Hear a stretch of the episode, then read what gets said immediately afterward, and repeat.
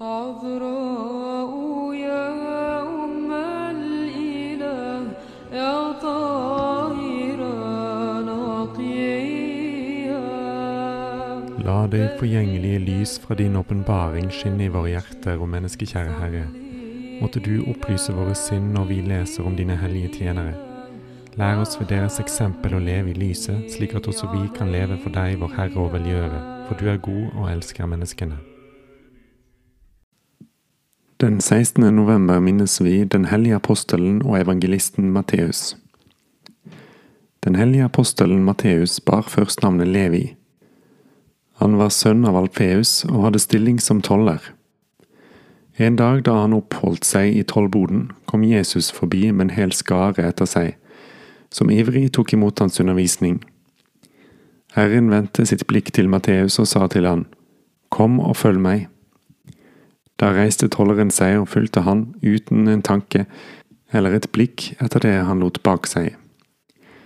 Før han gikk ut på veiene i Kristi følge, bød han eh, inn til et stort middagsselskap, hvor Jesus og hans disipler tok del, og i tillegg et stort antall tollere og syndere.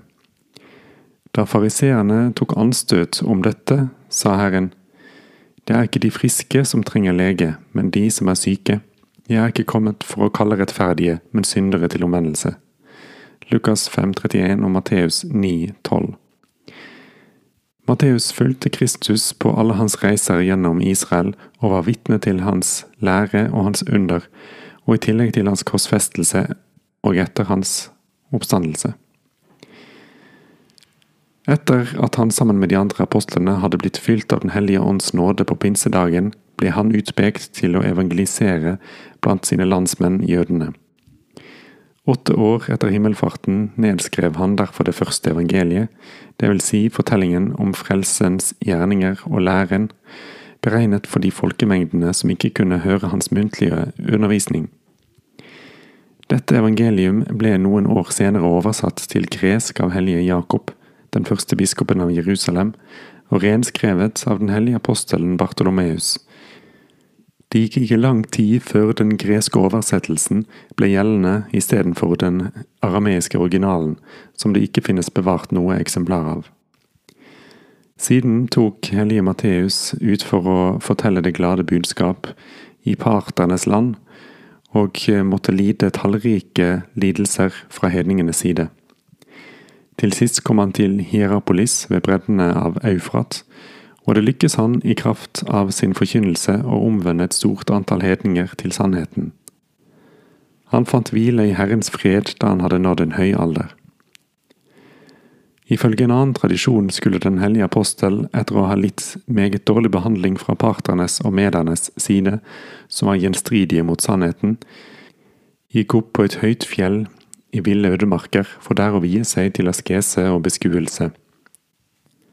Der fortelles det at Herren åpenbaret seg for han i skikkelse av et barn, og ga han en stav som han befalte ham å gå og plante ved kirken i byen Myrmene. Byens biskop Platon mottok Matteus høytidelig sammen med hele sin geistlighet. Så snart apostelen hadde plantet staven i jorden, blomstret den og bar frukter og det løp en livlig honning som en forsmak på de usigelige gleder i paradis ut fra den. Og det sprang også opp et kildevel med friskt vann fram fra foten av treet, og alle som badet seg der, fant seg befridde for deres lidenskaper og for avgudsdyrkelsens mørke. Til tross for alle de velgjerningene som han eh, brakte partene og selv den kongelige familie, ble den hellige apostelen underkastet fryktelig tortur av kongen, og omkom til sist ved ilden.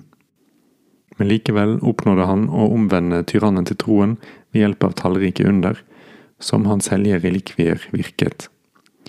I det øyeblikk kongen ble døpt, ba denne om å få navnet Matteus. Han omstyrtet avgudene i hele sitt rike og førte hele folket til Den hellige kirke.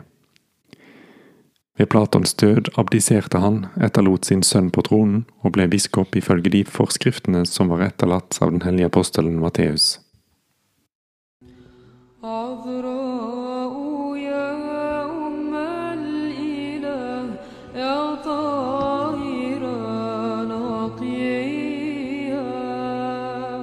بدينك فارج صلي